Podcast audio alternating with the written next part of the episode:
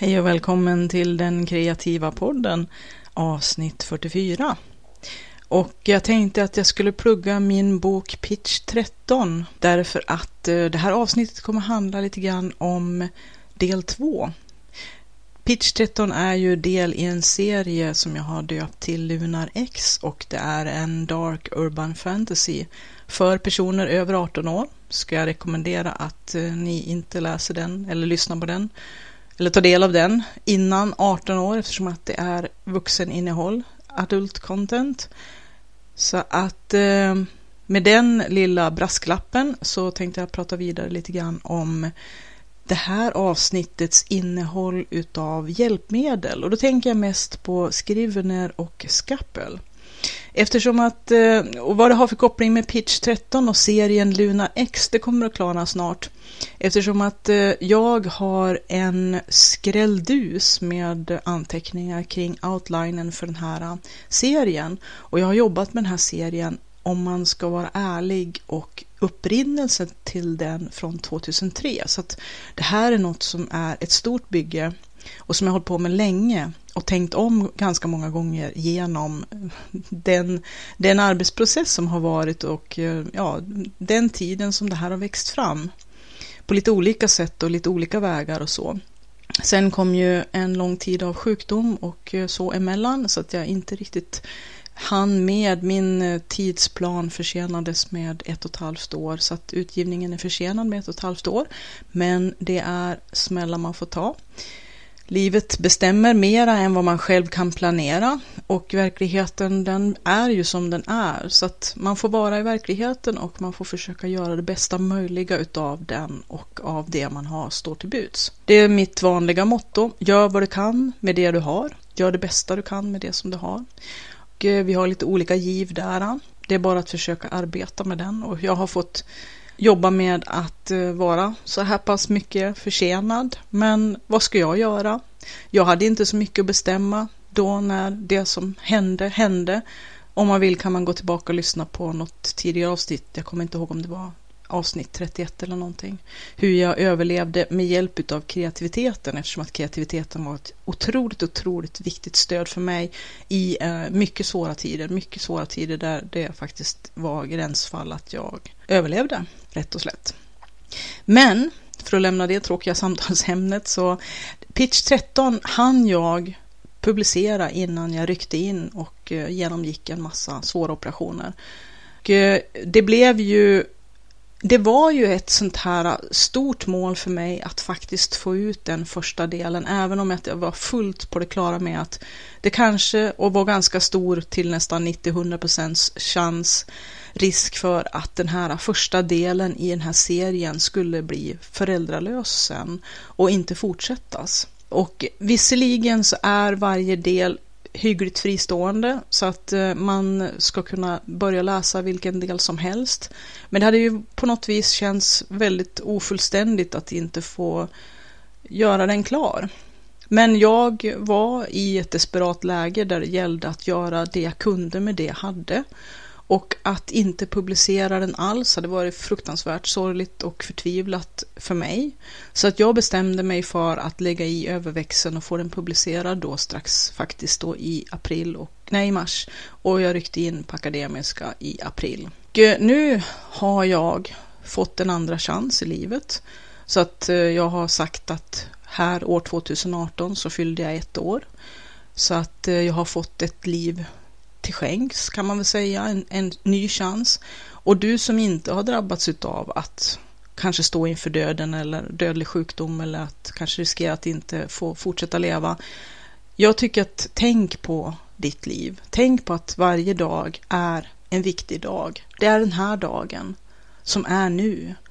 Och att göra vad du kan med det du har just nu den här dagen. Vi har inga garantier, livet ger inga garantier.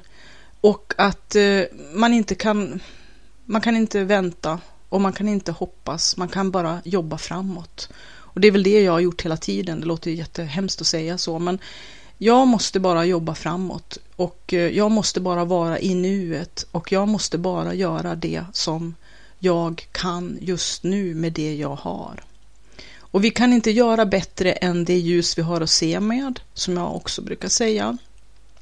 Och det gör ju att eh, man får lov att eh, göra saker och ting, ibland lite förhastat, lite rätt ut i det blå bara för att eh, man är tvungen. Att man måste göra det för att inte gå under eller känna att man har svikit sig själv. Och jag pratar mycket om det förut också, fast kanske lite mindre allvarligt än vad jag gör just nu. I alla fall så missa inte tillfället. Gör det du ska göra. Bli den du ska bli. Och gör det nu. Därför att det finns liksom ingen anledning att vänta. Och jag väntade inte med att publicera Pitch 13. Jag lät det bli så som det måste bli och jag bara måste få publicera den. Även om den kanske skulle bli föräldralös och kanske jag skulle dö från alltihopa. Det var ju ganska stora odds för det faktiskt. Men mirakler sker. Och eh, jag fick en andra chans. Jag fyllde ett år i år och jag fyller två år nästa år och jag tänkte att då skulle jag fira mitt andra år med att komma ut med den andra delen. Och det är väl ett ganska fantastiskt sätt att tänka, tänker jag, att eh, få fortsätta den här serien. Och eh, det som är lite problematiskt och som jag egentligen skulle komma fram till med den här väldigt långa introduktionen till Skrivner och, och Skappel är att jag som sagt har efter 2003 och framåt ohyggligt med material och en ohygglig eh, outline. Det är faktiskt, eh, om det inte vore så att jag har hållit på med det här så mycket och lite grann vant mig vid att det är så här massivt, det är att ja, man skulle lätt kunna drabbas av panik och få någon slags svettningsattacker eller andnöd, rent ut sagt klaustrofobi. Men eh, jag har hittat mitt verktyg för att handskas med det här materialet som är ganska stort. Eh, det är att använda skrivene eh, som var något, något jag har använt under ett antal år nu. Det ska jag ju också säga samtidigt att det är inte något som jag uppfann igår att jag skulle börja med Skrivener. Och Skrivener är ett program. Jag har pratat om det i en tidigare podd också. Eh, som man kan köpa för 400 spänn och det är mycket väl investerad 400 spänn om man är en skrivande människa som har ett komplext material att hantera. Och det kan ju vara allt ifrån om man sysslar med forskning och måste ha koll på en väldig massa dokument och eh, research samtidigt. Det kan ju också, jag vet att jag har sett en del Youtube ehm, eh, tutorials på nätet, personer som använder det som ett aktivt verktyg för att kunna hålla reda på all den massiva informationshantering som det handlar om när man sysslar med släktforskning till exempel. Och framförallt då som det kanske främst är tänkt för skrivande människor överhuvudtaget om man tänker journalister, författare och alla som, som behöver använda text och vill helst ha allting i alla fall hyggligt mycket under samma tak.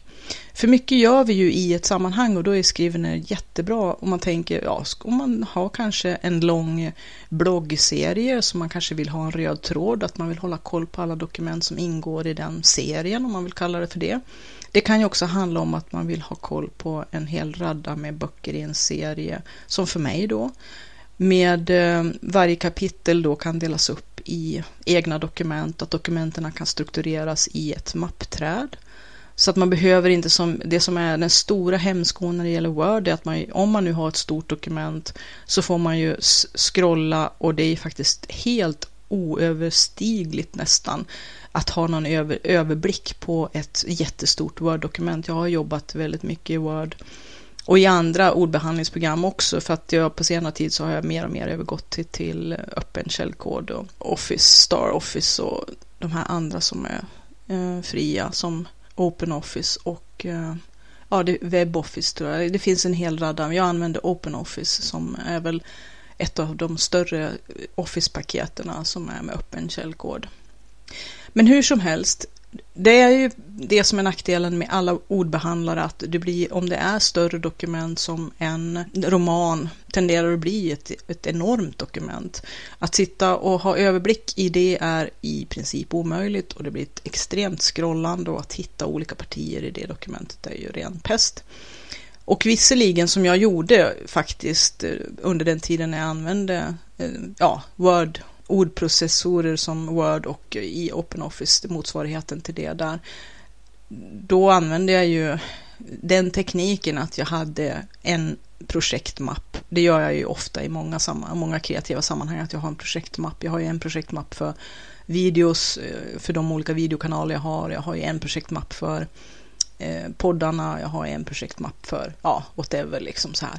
Men en projektmapp och så sen att ha delat upp allting i enstaka dokument, eller i en, en hel radda med dokument, ett för varje kapitel oftast då, då. Det beror på hur långa kapitel man har. Och att man har dem då i någon slags nummerordning. Och redan där så ser man ju att det finns en hel del problem med det. Det ena är ju att man har visserligen samlat det under ett tak i den här mappen, men det är en väldig massa dokument som man måste sitta och öppna och stänga separat, individuellt.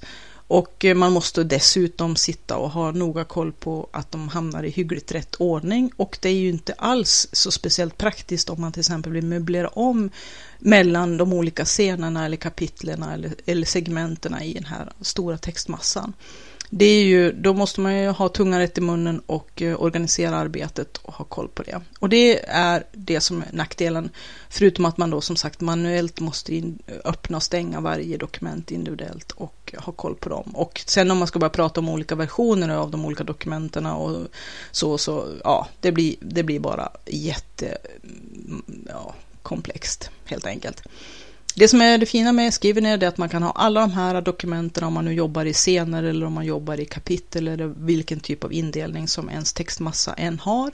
Så kan man då ha dem under samma tak och man kan hoppa emellan de dokumenten i den här mappstrukturen. Och mappstrukturen kan man då möblera om i helt och hållet hur som helst flygande bara genom att flytta runt dokumenten sinsemellan i den ordning man har dem. Och det är ju otroligt praktiskt.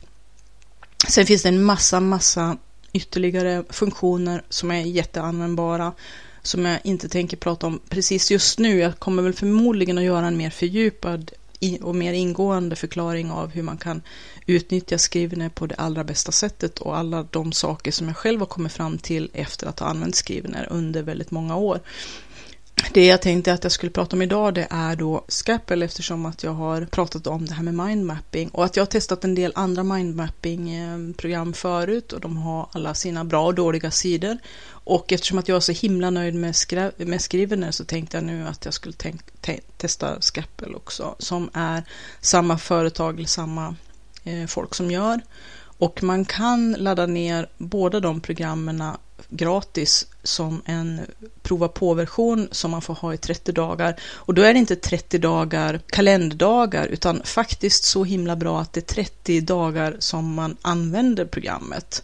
Så om man använder programmet två dagar i veckan så räcker det ganska många veckor innan de här 30 dagarna är slut till exempel. Det finns en hel del tutorials och eh, även då den firman som säljer Scrivener och, och Scapple de har eh, en hel del videotutorials och eh, utbildningsmaterial också, men det finns en hel del på Youtube som man kan ta del av. Eh, jag kan varmt rekommendera att man kollar in först och främst de som gör programmets egen hemsida där man då laddar ner dels de här, eh, för, de här eh, prova på-versionerna men också kan köpa loss programmen.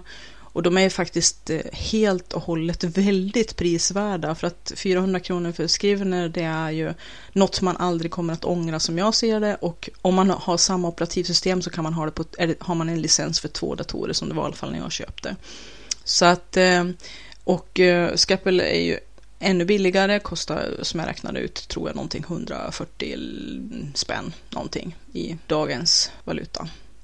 Men 150 kronor och det är ju också väl investerade slantar. Men man kan då som sagt ladda ner den här prova på-versionen först och eh, ta del av en hel del. Jag tror att det är väldigt sunt att eh, kolla in lite videos och lära sig programmens grundfunktioner för att komma igång och kunna använda programmet eller programmen till sin fulla nytta och styrka så att säga. Och jag kommer väl att prata mer om hur man använder de här programmen mer i detalj längre fram också. Men som sagt, ladda ner en prova på-version när du känner dig mogen för att satsa lite tid i att sätta dig in hur programmet funkar. Och du kommer aldrig ångra dig. För att eh, Skrivener har verkligen förändrat mitt sätt att både kunna handskas med mitt kreativa material och eh, faktiskt också utveckla det och ha en struktur och en koll på allting som jag gör. Sen finns det ju massa, massa, massa funktioner som det är för kort utrymme idag att prata om. Men den allra viktigaste är ju att du sedan kan eh, kompilera eller mm, så att säga konvertera olika typer av dokument efter ditt eget tycke och din egen kombination. Du kan blanda din egen sallad så att säga utav alla dina dokument och göra det till en pdf eller till en, en EPUB-fil som man har när man ska publicera en e-bok eller om du vill göra det till en, en, en Word-fil eller det finns en massa olika format som du kan sen kompilera dina, dina olika dokument i olika kombinationer och konstellationer.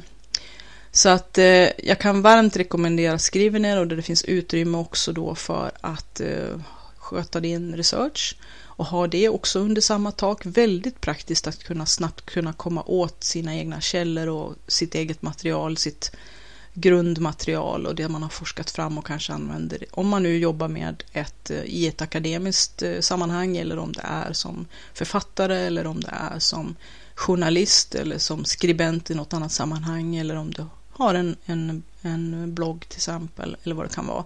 Eller om du släktforskar, eller forskar på annat sätt och behöver ha superkoll på alla dina dokument. Så kan du ha det i Skrivener och sen kan du konvertera över det till vilket nästan annat format som du än kan komma att tänka på som man brukar behöva ha för att kunna dela med sig av text i olika sammanhang och på olika plattformar. Och även då som sagt publicera som eh, e-böcker och göra till pdf-er. Anledningen till att jag bara tittar mer och mer på Skappel är att eh, jag eh, nu har den här eh, ganska mm, stora uppgiften inför den, den framtida konstruktionen utav min storyline eller outline för den här serien. Och det är inte bara varje enskilt, varje enskild del eller varje enskild bok i den här serien som som ska ha sin egen storyline eller sin egen outline, utan alltihopa ska ju också vara synkat med den stora övergripande outlinen.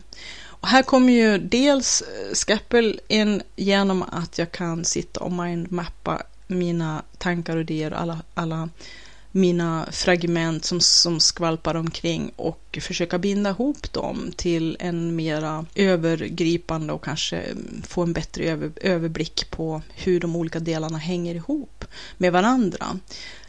Och det som jag också tänkte jag skulle berätta om Scrivener, det är att man kan samla, som jag då som har haft en, och fortfarande har faktiskt en, en fruktansvärd stack med anteckningar. För att, eh, som jag pratat om tidigare, att när en idé eller ett uppslag eller en tanke eller ett fragment dyker upp så måste man bara kasta ner det på första bästa papperslapp som råkar komma i vägen. Och jag samlar alla de papperslapparna i en bunt och sen så skriver jag rent dem. Men även om jag har skrivit rent materialet så är det ju sånt som sen ska försöka sorteras in och struktureras hanteras i, den här, i det här sammanhanget. Och eh, då är ju Skrivner suveränt eh, för att kunna göra det. Innan eh, den här outlinen eller den här övergripande strukturen på hela bygget Eh, då känns det som att även om jag nu har strukturerat alla mina anteckningar och, och skrivit outlines så Scrivener har också ett otroligt bra verktyg så man kan jobba i olika, i olika lägen i det programmet. Dels kan man ha det som en helt vanlig ordbehandlare ehm, fast då förutom att man har den här mappstrukturen på sidan om så att man kan hoppa fritt mellan olika dokument och även då lägga dokument bredvid varandra och jobba med dem parallellt som är en otrolig funktion. Men man kan också då koppla över till ett läge där man kan se sin outline som en outline.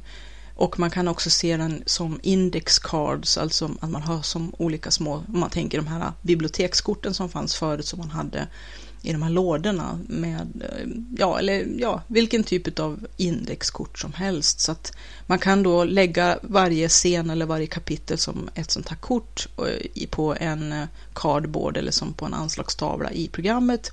Sen kan man möblera om dem alldeles fritt, precis som man också kan göra med dokumenten eh, under varje huvudmapp som man kanske har skapat. Man kan ha mappar och man kan ha dokument och man kan skapa det här trädet då, hur all information ska struktureras. Eller till exempel hur kapitlerna ska ordnas. Och där kan man också flytta runt alldeles fritt. Men de här korten är ju en jättebra start att kunna få ordning på scenerna till exempel, eller kapitlerna. Eller om man jobbar med andra typer av eh, stort informationsmaterial som ska struktureras kan ju det också vara ett jättebra sätt. Men det är ett litet steg däremellan som kanske saknas. Och där jag tror, för mig, för min personliga del, att det här Scapple skulle kunna fylla både den här mindmapping-funktionen eh, i stort, för att jag menar programmet är ju inte, jag behöver inte begränsa mig till att använda det bara för att eh, få liksom pejl på min outline eller på en större story, utan jag kan ju använda det till en massa annat eh, arbete för att strukturera upp större mängder av information eller försöka åstadkomma någon, någon eh, bild av vad jag vill. Det är ju väldigt svårt att i, i, i tal prata om det här. Min rekommendation är att man går in på sök i Google på Scrivener eller på Scrapple. Jag ska skriva det i the show notes som de säger på engelska i alla poddar. Jag vet inte vad det heter på svenskarna men eh, i, i texten som hör till den här podden så får du lite ledtrådar. Men att söka i Google och då hittar man till firman eller de som ligger bakom de två programmen som heter Literature and Latte. Och eh, på deras sida så kan man både köpa programmen och man kan ladda ner en provversion och man kan också få tillgång till deras utbildningsvideos eller deras tutorials. Och där kan man då se skärmdumpar på hur de här programmen ser ut och eh, kan man få sig i alla fall en, en snabb och ytlig bild av hur, vilka funktioner och vilka möjligheter som finns med programmen. Så det kan jag varmt rekommendera. Så gör det gärna under tiden du lyssnar på den här podden eller efter och så lyssnar du på podden igen eller hur du nu vill lägga upp det som ger dig mest möjligheter att greppa det här. Det är ju liksom lite abstrakt faktiskt där det. Men i alla fall som jag ser det är kanske ett tips och en ingång för dig att fortsätta att utforska de här verktygen som jag personligen beskriver det kan jag utan att tveka säga att det har ju förändrat mitt liv som författare, absolut. Scapple är ju lite mer otestat kort. Jag har jobbat i andra mindmapping-program och även använt, det går ju jättebra att jobba bara med papper och penna. Men fördelen i alla fall att göra det elektroniskt är att det finns lite mera finesser och att man kan spara arbetet och kanske använda det på lite andra sätt än när man har en, kanske ett stort ark med en massa nedklottrat eh, sådär med en massa streck och så. Och man kan jobba med färger också som jag pratade i en podd tidigare om det här med mindmapping. Men att i Scapple så får man ju allt det där gratis samtidigt som att det finns ännu mycket mera finesser och funktioner. Och man kan också till exempel importera sina redan färdiga, eller de anteckningar man har. Och man kan ju göra bakgrunder och man kan dra linjer och pilar och man kan koppla ihop olika listor och lägg, placera dem i relation till varandra och eh, connecta de delar som hör ihop och ja, en massa, massa saker som, ja, jag har börjat börja nosa på det här. Och jag kommer väl komma med en rapport senare om hur det går och hur det funkar och lite mera detaljer kring användandet och då kanske du också har hunnit lite mera, om du inte har testat de här programmen förut så har du hunnit lite längre också och kanske har större behållning av att eh, lyssna på den podden också. Eller få lite mer tips på saker du inte har gjort, för det är väl så med mycket utav de större komplexa programmen. Jag har ju jobbat med Photoshop ända sedan den allra första versionen kom. Och jag jobbar ju i princip dagligen i Photoshop, men det finns nog ingen människa tror jag som har som kan säga att de kan använda Photoshops alla komplexa delar till fullo, till 100% i alla dess kombinationer och eh, konstellationer och i alla de olika sammanhang som beroende på om man jobbar med fotografisk bild eller med andra typer av bilder och i vilken verksamhet och i vilket sammanhang bilderna ska användas och synas och vad de ska göra och så vidare och så vidare. Så jag tror det finns ingen människa på hela jorden som kan säga att de behärskar Photoshop till, till 100 procent. Och det är samma med de här programmen, de är oerhört komplexa och så otroligt mycket finesser och funktioner och eh, godis. Och rent ut sagt, för mig då som älskar att upptäcka sådana här saker som jag bara kan se mer och mer användningsmöjligheter och, och framförallt när jag kan sy ihop dem med varandra.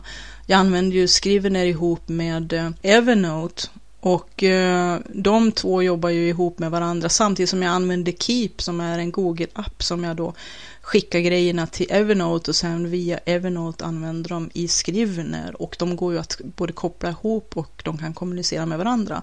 Så det kan ju bli jättekomplext men det blir ju inte svårare när man har lust att ha det och det blir ju att man använder de funktioner som man omedelbart hittar och de funktioner man omedelbart ser stor nytta med och som man själv använder och vill ha.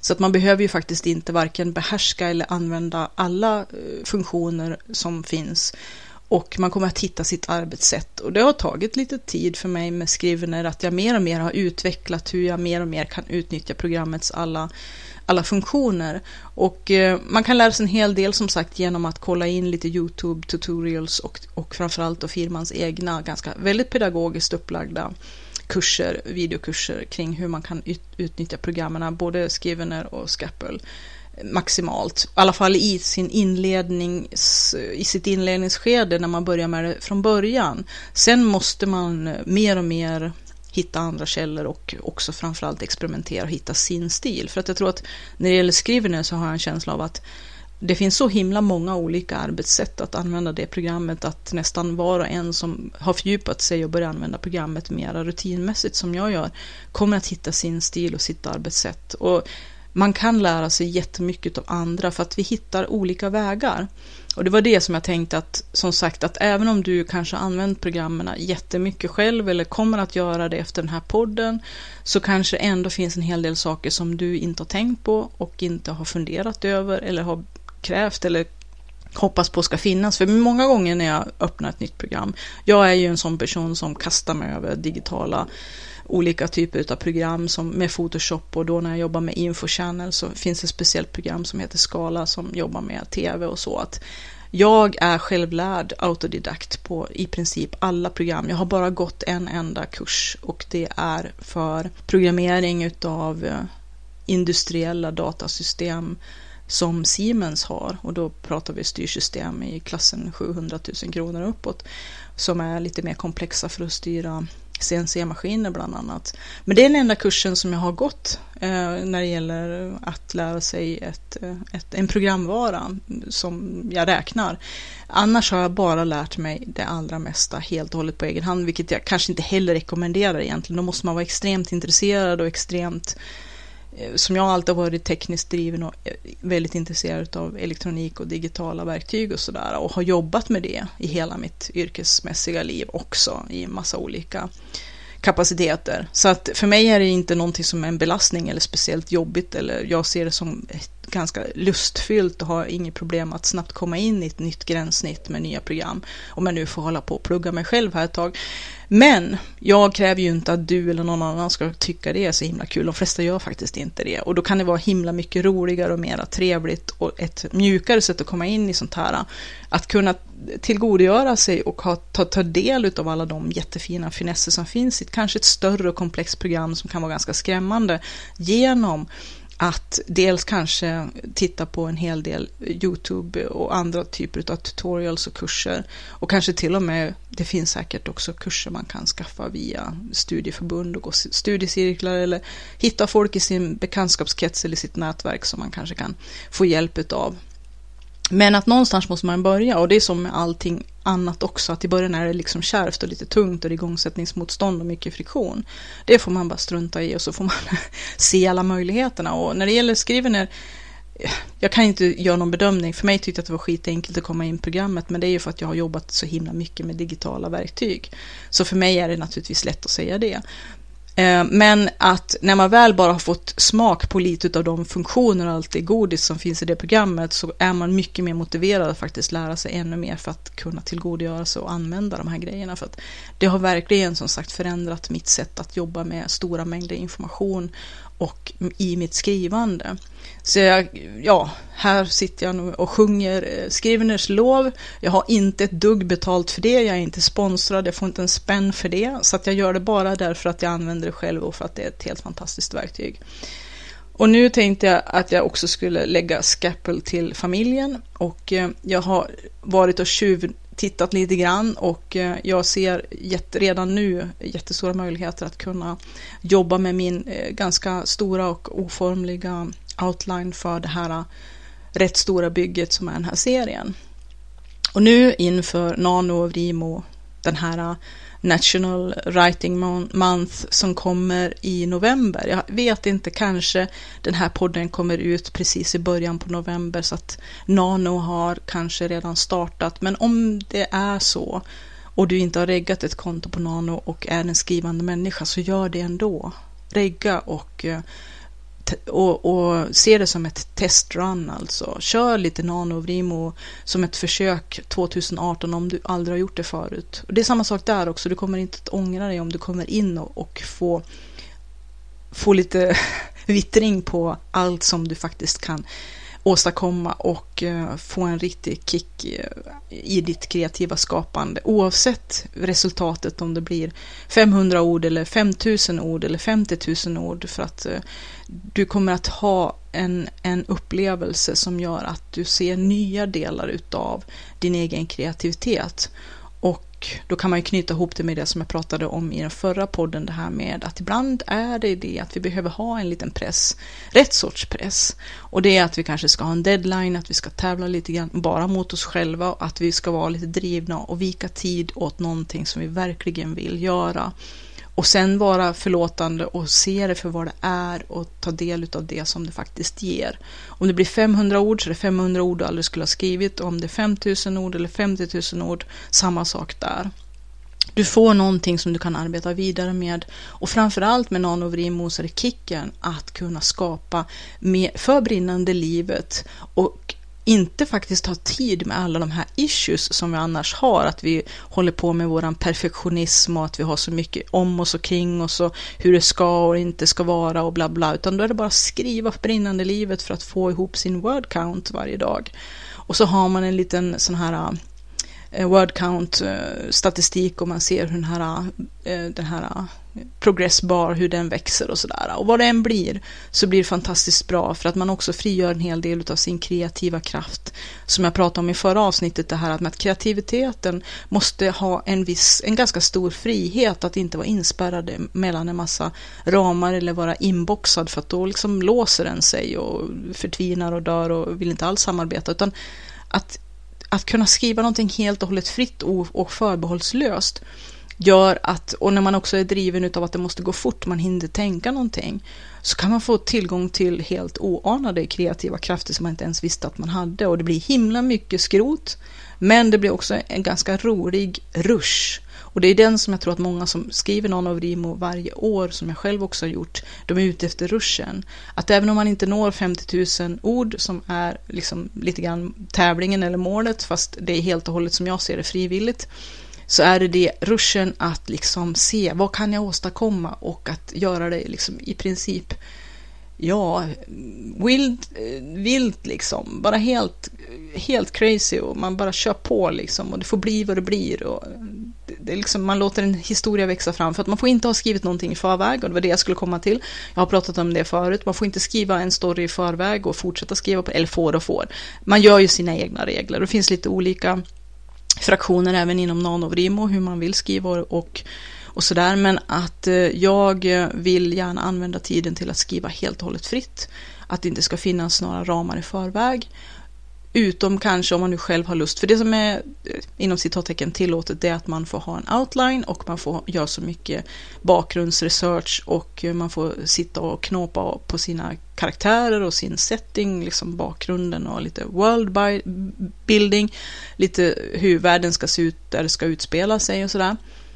Men att annars själva storyn ska helst inte vara uttänkt eh, mer än den här outlinen och den ska inte vara färdigskriven eller påbörjad utan att man ska i princip vara som en, en eh, vild häst som står i, i startboxen och sen när startskottet går så bara rusar man för brinnande livet och skriver för brinnande livet och så sen får man se vad det leder. Och det kommer vara både upp och ner och det kommer vara bra perioder och dåliga perioder. Man kommer vara både trött och... Men det är ändå den här ruschen och den är helt underbar faktiskt. Och man som sagt, som jag i alla fall upplevde, fick både tillgång till och såg andra delar av min kreativitet som annars aldrig är fri.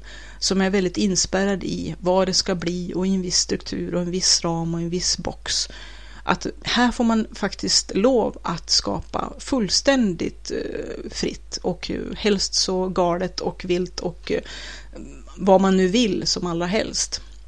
Men man gör Nanovrimo till sitt eget så att man får hitta sin egen stil och det kommer också utveckla sig. Men genom att använda Scrivener så fick jag i alla fall möjligheten att sedan jobba vidare med det, de texter som jag har eh, hållit på med i Nanovrimo och som jag kommer att göra också i år. Och Nanovrimo, de brukar ha ett fint erbjudande, det har de säkert också i år. Att man, eh, jag vet inte, jag kommer inte ihåg exakt detaljerna, men framförallt att du kan ladda ner Skrivener och använda det under 30 dagar. Och det är 30 användardagar, alltså när du verkligen har använt programmet, inte kalenderdagar. Så att du kan använda det under Nanovrimo också för att eh, få liksom lite extra kanske krut och eh, intresse och lite mer utmaning i ditt eh, skrivprojekt också. Men Nanovrimo brukar som sagt ha något slags erbjudande varje gång, eller har varit i alla fall förut, varje år där man kan eh, ladda ner skrivener och jag tror de har något extra fint erbjudande då. Så regga en profil på Nanovrimo också samma sak där, jag har inga som helst ekonomiska intressen utan jag säger det här helt utan att ha varken någon provision eller vara promotad eller få några, eh, någon, några pengar för det utan det är bara för att det är någonting som jag verkligen själv älskar att hålla på med och som jag tycker är så oerhört kreativt laddat och som jag ser fram emot varje år. Jag har pratat om det förut. Men nu tänkte jag i alla fall inför det här Nano och Vrimo också använda Scapple. Det var lite grann det som jag skulle komma fram till. Att jag tänkte, jag har faktiskt jobbat med en outline. Det har jag aldrig gjort i de tidigare åren som jag har skrivit i Nano och Vrimo. Då har jag bara skrivit uh, ungefär för brinnande livet utan några som helst begränsningar, vilket jag tycker är jättehärligt och underbart. Och jag vet att många som har gjort en outline och gjort en del research och kanske haft en massa material och byggt upp karaktärer och sin värld och sin setting och sådär kanske har bara kastat det över axeln och ändå bara skrivit fritt. Och alla sätt eh, är bra, är okej okay, tycker jag. Och kan ge helt oväntade resultat och, och, utfall som kanske i sig kan vara både förvånande och hemskt utvecklande. Så att eh, låt det bli vad det blir och gör inte så mycket motstånd. Det är väl det som jag vill säga, att ibland gör vi för mycket motstånd mot kreativiteten. Kör lite, lite eh, vilt bara, liksom. Rusa fram som en eh, häst på racerbanan, liksom. Eh, eller vad man nu vill göra för liknelse.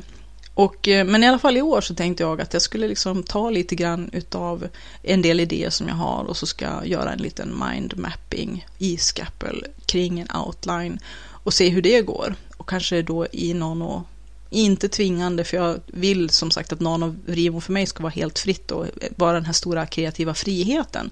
Det är väl det kanske, om man ska sammanfatta någon av Rivo för mig, den stora kreativa friheten att äntligen, det är lite som, som en lustläsande, att när man tillåter sig själv att bara få njutningsläsa utan att det ska vara någonting nyttigt eller någonting som ja, ska vara så himla bra eller duktigt eller liksom användas i något sammanhang. Jag pliktläser ju en hel del också och läser väldigt mycket för att lära mig och för att utvecklas. Men när man får liksom njutningsläsa som jag brukar unna mig varje jullov så, så är det lite grann som en nanovrimo också, att då är det lite så här njutningsskrivande, även om att det är hetsigt och stressigt och man ska göra en stor word count i alla fall om man ska nå upp till 50 000 ord.